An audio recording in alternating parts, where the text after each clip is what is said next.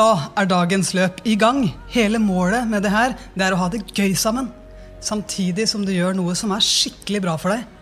Dagens tema er å se mulighetene. Det er overalt. Og jeg vil fortelle deg en inspirerende historie om en håndballspiller som heter Camilla Herrem. Og den tror jeg du kommer til å like. Så kjenn nå at du gjør det her til en god opplevelse for deg selv. Begynn rolig. Det sakteste du skal løpe i dag, det er det du gjør akkurat nå.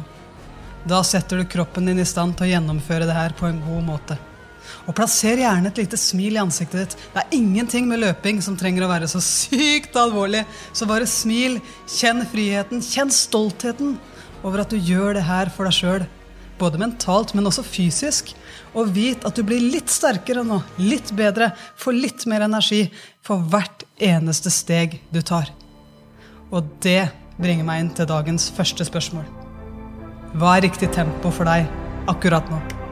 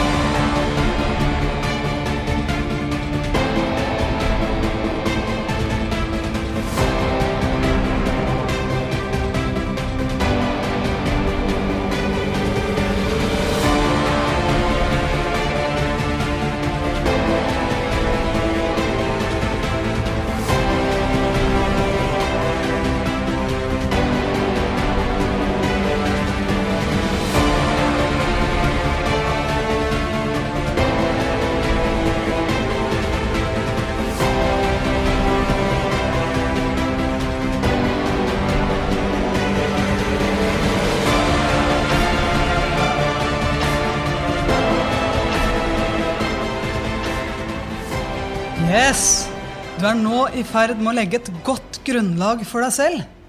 Det du gjør nå, det er faktisk litt som morgenrutiner. Det du starter med, det setter standarden for resten av dagen.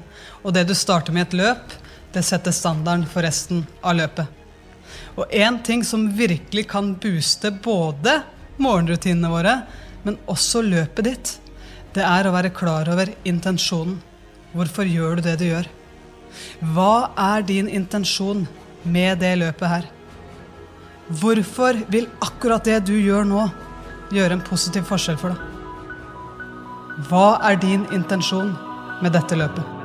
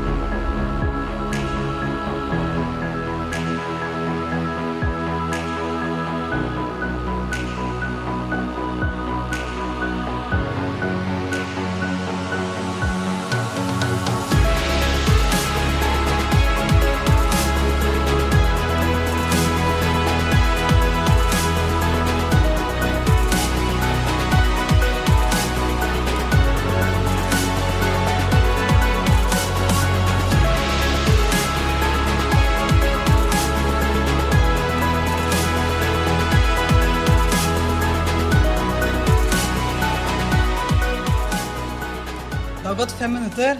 Du er godt i gang med oppvarminga. Kanskje du nå har lyst til å stretche litt, riste litt på armene dine, hinke litt kanskje, eller bare fortsette i flyten, den som du har bygd opp nå. Det er helt opp til deg. Du kan egentlig gjøre akkurat hva du vil. Og det magiske er at vi har sånne valg hele dagen. Skal jeg fortsette i det samme sporet, eller skal jeg bryte opp litt? Gjøre det litt annerledes? Se om jeg kan få noen nye perspektiver på ting. Nye opplevelser, kanskje. Bare ved å gjøre en liten justering. Camilla Herrem, en av Norges mestvinnende spillere, vår bunnsolide venstrekant, en av de raskeste i verden på sin posisjon, og med en lekenhet som er nesten litt idyllisk å se på. Hennes historie om det å mestre valg og se muligheter, det er verdt å lytte til. Og den skal du få høre nå. For hennes enorme ferdigheter, det er ikke flaks. I fire år hadde Camilla trent seg opp mot OL. OL skulle etter planen starte 24.07. og holde på til 9.8.2020. Men pga. koronaen så ble arrangementet utsatt helt til 2021. Det her var helt likt for Camilla og alle de andre som skulle spille OL. Mange kjente på en skuffelse, men Camilla kjente på et valg. Og hun så en mulighet de fleste andre ikke så. En mulighet til å bruke akkurat det her til sin fordel. De mulighetene har vi hele tida. Camilla fikk ikke spille OL den sommeren. Hun fikk ikke gjøre det hun hadde kjempa for. Hun fikk ikke gjøre det hun hadde trent seg opp mot, det hun hadde sett frem imot. Men vet du hva hun fikk? Hun fikk tid. Og veldig mange ser ikke på tid som en mulighet. Men for Camilla så var det akkurat det det var. En gedigen mulighet. Og hun våga å face sannheten. For sannheten det var det at OL var utsatt. Og jo raskere du kommer inn i aksept på akkurat det, jo raskere kommer du inn i mulighetsrommet. For sannheten var også at hun var en håndballspiller. Og sannheten var også at hun var faktisk ikke ferdig utlært. Det er det ingen som er. Og en annen sannhet, det er at det er mulig at det allerede i desember skulle gjennomføres et annet mesterskap, EM. Europamesterskapet i håndball. Og Camilla tenker hm, hva hvis jeg velger å fokusere på det? Hva hvis jeg velger nå å gjøre meg i stand til det? Dette tenkte Camilla veldig kjapt. Og når hun faca det, så tenkte hun også hm, jeg er rask. Men hvis det er noen som skal ta meg på noe som helst, så må det faktisk være de to-tre første stegene i kontra- og returløpet mitt. Startfasen. Det er der jeg har mest å hente. Det er der jeg kan bidra med noe. Det er der jeg kan gjøre noe for å bli enda bedre, for å ta mitt neste steg. Og det er nå jeg har tid. Nå har jeg fått gratis tid til å bli bedre på akkurat det. Så Camilla spurte om hjelp fra en av de råeste sprinttrenerne hun visste om. Victor het han. Og han laga et program for henne. Og han var der for henne, og de trente sammen hele den sommeren. Og det som er spennende med den historien, det er at det ble gjennomført et mesterskap i desember. EM. Norge spilte, Norge vant, og Camilla ble kåra til den beste venstrekanten i mesterskapet. Det er helt rått! I ettertid så ble jeg selvfølgelig hylla av veldig mange. Det var en rå trening i fokus, og den ble anerkjent av mange. Det å klare å holde et høyt nivå, selv i koronapandemien, når veldig mange haller blir stengt, når vi er helt tvinga til å tenke nytt, når vi er tvinga til å våge å tenke nytt, da er det noen som tør å gjøre det. Og de aller fleste som hyller Camilla etter det mesterskapet her, de ante ikke hva hun hadde gjort for å klare det.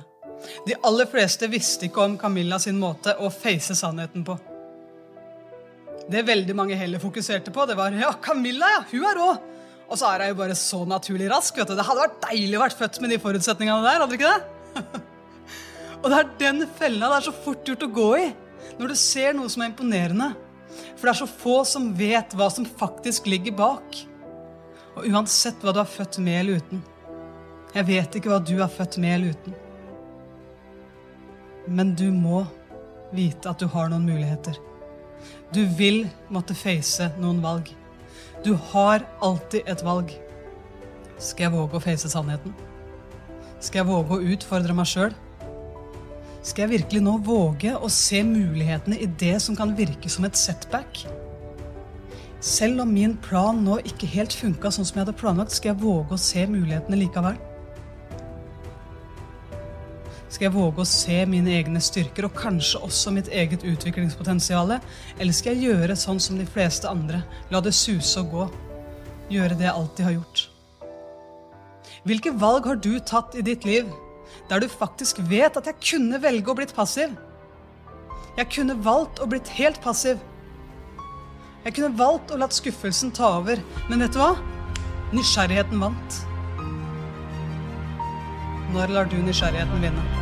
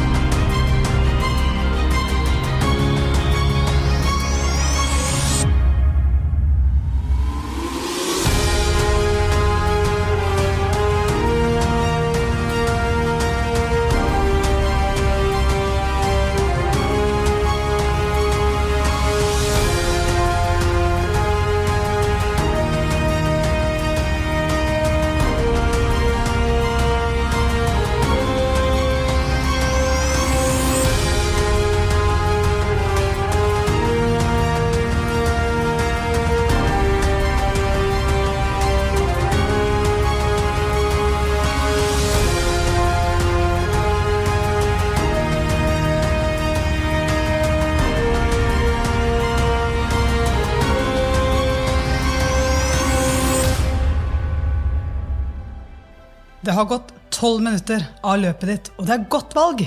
For du har satt din intensjon. På samme måte som Camilla, så vet du at det ikke holder å bare sette en intensjon. Du må gjennomføre det. Det holdt ikke for Camilla å bare face sannheten. Hun tok kontakt med Viktor, hun fikk programmet, men alt det her det holdt jo ikke. Hun måtte velge å gjennomføre treninga i tillegg. Og summen av alle de små faktorene, det er det som gjør henne til en vinner. Ikke bare fordi hun står øverst på pallen, men fordi hun vet inni seg at hun har gjort det hun kunne. Hun vet inni seg at den prisen hun fikk, det var en pris hun faktisk fortjente. Hun vet inni seg hva hun faktisk valgte i en periode som var krevende for så mange. Og det er en stolthet ingen kan ta fra henne. Det er summen av alle de små faktorene som gjør hun til en vinner. Og faktisk også deg til en vinner i dag. For det er veldig lett å gjøre det som er komfortabelt. Og kanskje er det her kjempekomfortabelt for noen å løpe her. Men det er så lett å oppleve suksess når du vet at du fortjener det og du kjenner på den deilige følelsen av stolthet. Hva har du gjort i ditt liv som du kan velge å være stolt av? Der du vet at du tok det rette valget for deg sjøl. Det kan være store ting, det kan være små øyeblikk. Men du vet inni deg at du tok et valg. Kanskje var det lett. Kanskje var valget krevende. Kanskje har du også stått i noen valg midt i koronapandemien nå, hvor du inni deg visste at ja, det her kan være strevsomt, men vet du hva? Jeg velger den veien her likevel. Jeg velger meg. Jeg velger min stolthet. Jeg velger å gjøre det som kreves, for jeg vet at jeg elsker det jeg gjør. Og jeg vet at det er det rette å gjøre. Hva har du gjort i ditt liv som du kan velge å være stolt av?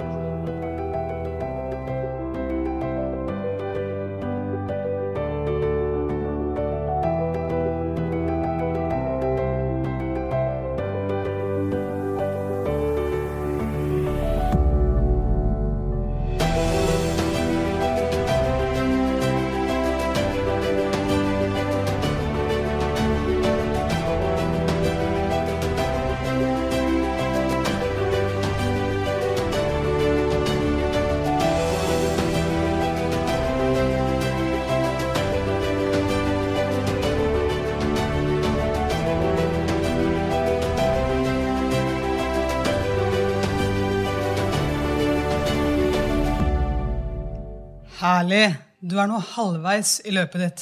løpet ditt som du har valgt å ta fordi du prioriterte det, du bestemte deg, den besluttsomheten den kan ingen ta fra deg. Det er din. Og av og til så krever det at vi tenker litt kreativt.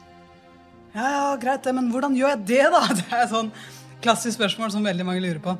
Og jeg må innrømme at jeg blir veldig kreativ av spørsmål. Og jeg har ett favorittspørsmål som virkelig kan booste kreativiteten, som kan hjelpe meg til å tenke som Camilla, som kan hjelpe meg til å finne fram til en Viktor. Kan hjelpe meg å se at det er det som er lurt å gjøre, og jeg håper at jeg kan gjøre det samme for deg. Spørsmålet er Hvis din konkurrent hadde gått all in for å slå deg, hva hadde han eller hun gjort da? Bare tenk på det. Hvis din konkurrent virkelig hadde gått all in for å gjøre noe litt bedre enn deg, tatt det steget litt før deg, hvem hadde blitt ringt? Hvem hadde blitt oppsøkt sånn som Camilla oppsøkte Viktor? Hva hadde vært én ting som du ikke gjør, men som din konkurrent hadde turt å gjøre? Så kan du si at jeg har ikke noen konkurrenter. Nei, nei. Men hva hvis du har en? da? Hva hvis du later som at du har en nettopp bare for å booste ditt eget nivå? Hva hvis du later som at du har en konkurrent i parforholdet ditt? Hva hvis jeg later som at jeg har en konkurrent som går all in for å sjekke opp Gro? Jeg lover deg at jeg hadde steppa opp gamet. Hva betyr det her for deg? Kobe Bryant han er en av verdens beste basketballspillere gjennom tidene. Og da han spilte, så måtte han også face sin egen sannhet. Han var helt nødt for å tenke kreativt. For da han ble skada i ankelen sin, så fikk han egentlig et kjempetilbakesteg. Han måtte være ute i lang tid. Og mange dømte den ned. Mange tenkte at ja, men nå var vel storhetstida over. Det var dit du kom. Men for Kobe Bryant så var det en mulighet. Fordi det er alltid en mulighet. Det han fikk nå, det var tid. Tid til å utvikle noe som var annerledes. Tid til å reflektere. Tid til faktisk å face sin egen sannhet. Han måtte trene opp ankelstyrka si. Det visste han. Og de aller fleste spillere håndball, fotball, basket, hva nå du driver med. Eller om du er en helt vanlig privatperson. Helt vanlig er du ikke, du er jo ekstraordinær. Om du er en helt ekstraordinær, vanlig privatperson, så vil du gå på rehab. Du vil trene de vanlige styrkeøvelsene. Ikke du, da, men veldig mange vil det. Men Kobe, han tenkte annerledes. Hvordan kan jeg bruke det her som en mulighet for å bli enda bedre i basketball? Hva hvis det her er det livet prøvde å gi meg for å vise meg den muligheten? Han feisa sannheten. Han skjønte at han måtte styrke opp ankelen sin. Men han studerte også seg selv fra den tida hvor han faktisk var skadefri og spilte. Og det han så, det er at han har faktisk enda mer å gå på i fotarbeidet sitt for å bli enda raskere. For å gå enda raskere rundt. For å kunne bli raskere i driblinga, så er det fotarbeidet det starter i. Og han la merke til at de aller fleste i NBA de han trente med, de han spilte mot, de fokuserte på driblinga. Hva hvis han heller fokuserte på fotarbeidet først? Og hva trenger han da? Blant annet å styrke opp ankelmuskulaturen. Og hvem er best i verden på ankler? Hvem er best i verden på å styrke opp nettopp det? Hva er det de gjør? Jo, det er steppere. De som stepper. Så han tok steppingtimer. Han tok på seg de her høye skoa og blei med på en time. Han hadde aldri steppa før. Det var ikke det feteste å gjøre sånn, når han kom tilbake til gutta i NBA og sa jo da, jeg driver og trener opp ankelen min, så jeg tar steppingtimer. Men han gjorde det som skulle til. Og han kom tilbake sterkere og bedre enn noensinne. For han var raskere. Han hadde fått fotarbeidet sitt enda mer spissa. Han hadde sett det som en mulighet, og han tok den. Han lot ikke den skaden bli en setback for han. Han lot den bli en mulighet. Og han hadde en innsikt nå som han ikke hadde før. Han visste at det ligger i fotarbeidet, ikke bare i driblinga. Så på den måten så transformerte han også litt hvordan man så på basketball. Hvordan basketball, hele basketballen kunne komme seg videre. Hva betyr det her for deg? Hvis din konkurrent hadde stått i samme situasjon som deg, uansett hva nå det er, og virkelig gått all in for å gjøre det bedre enn deg, hva hadde han eller hun gjort da?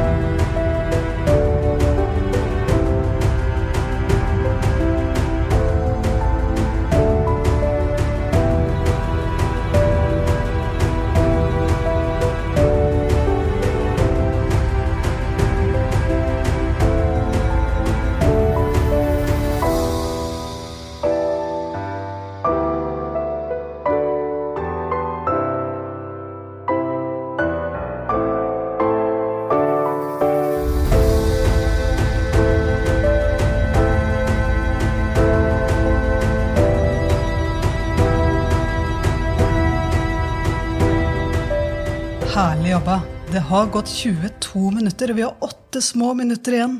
Husk å smile litt, da.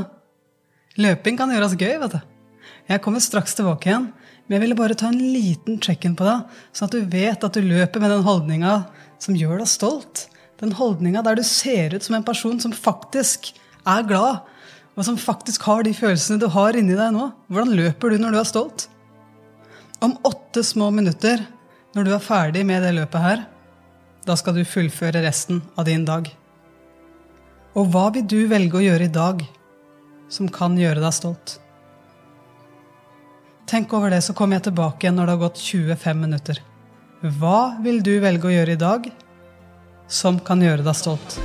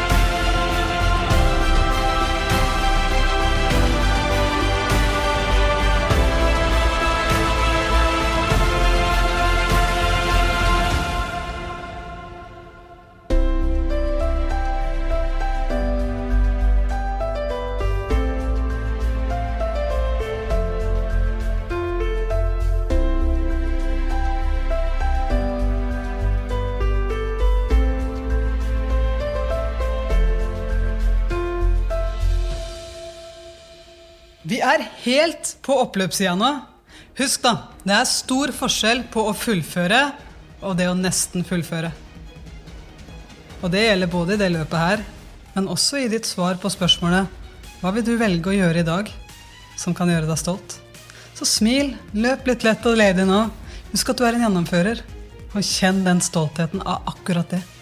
Kjenn etter hvordan du kommer til å føle deg når du gjennomfører resten av din dag som den beste varianten av deg sjøl. Så nyt den oppløpssida her nå. Nyt at du er en som gjennomfører. En som fortjener den gode følelsen. En som er i stand til å gjøre noe som er bra for deg sjøl, også for andre. Og det kan du velge å gjøre i dag. Se for deg nå at din konkurrent hadde gått all in for å virkelig se en du er glad i. For å løfte opp det mennesket og vise det kjærlighet. Se nå for deg om du kan se for deg et menneske som du bryr deg om. Se for deg at du har en konkurrent i den relasjonen. En som har lyst til å virkelig bygge en relasjon til det mennesket.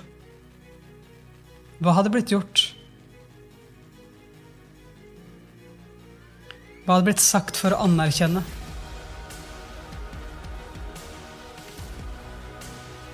Og hvordan vil det føles for deg å gjennomføre det? Av og til så hjelper det litt å tenke som om en konkurrent skulle gjort det for deg. For da plutselig så gjør i hvert fall jeg det. Jeg ser noen muligheter ikke jeg så før. Så hvis din konkurrent hadde gått all in for å virkelig se en du er glad i i dag, hva hadde blitt gjort da?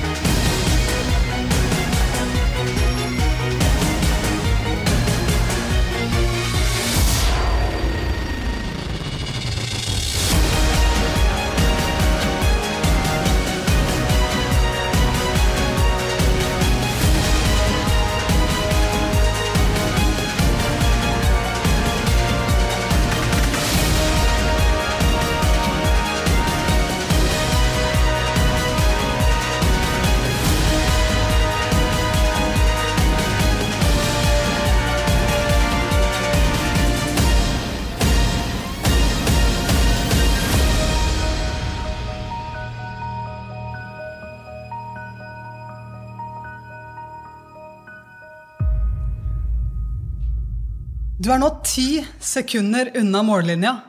Ni, åtte, sju, seks, fem, fire, tre, to, én. Gull! Du gjorde det! Yes! Plasser et stort smil nå til deg sjøl i speilet etterpå, for det fortjener du. Og husk, den gode følelsen du har nå, det er ikke flaks. Du gjennomførte. Og det er nemlig summen av de små tingene som gjør en stor forskjell. Så takk for i dag. Smil. Godt jobba!